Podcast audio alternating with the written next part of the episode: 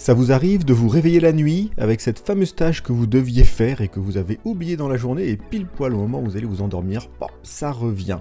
Vous êtes peut-être victime de l'effet Zygarnik. Bienvenue, vous êtes sur J'ai pas le temps pour ça, le podcast proposé par Eric Boucher où l'on partage des trucs, des astuces, des outils, des méthodes pour être plus efficace au quotidien et terminer la journée plus tranquillement.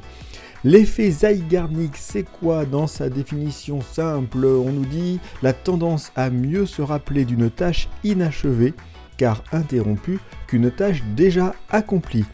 Comment cet effet est né C'est de l'observation de la chercheuse russe Bouma Zygarnik qui a observé sur les cafés à Vienne que les serveurs avaient une grande capacité de mémoriser des commandes complexes, de les amener à table comme il fallait, mais sauf quand on leur demandait juste après ce qu'ils avaient livré, ben, ils avaient déjà oublié.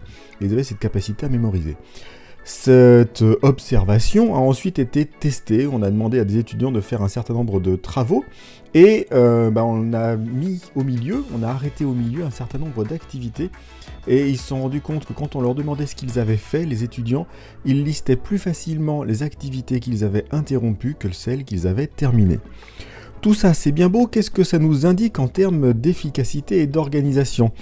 Dans son effet néfaste, l'effet Zygardik, comme on vient de l'indiquer, ça veut dire que potentiellement ce que vous n'avez pas terminé, ce que vous n'avez pas géré, ça va revenir vous hanter jusqu'au moment où vous allez vous en occuper. Ce qui peut être une bonne méthode pour ne pas oublier, mais qui est également une charge sur votre charge mentale, puisque ça veut dire une information de plus qui va traîner et qui va venir vous titiller. Et justement, pour gérer ça, comment est-ce qu'on peut s'en occuper? Ben, Je vous invite à retourner voir l'épisode 8 où on parlait de capture.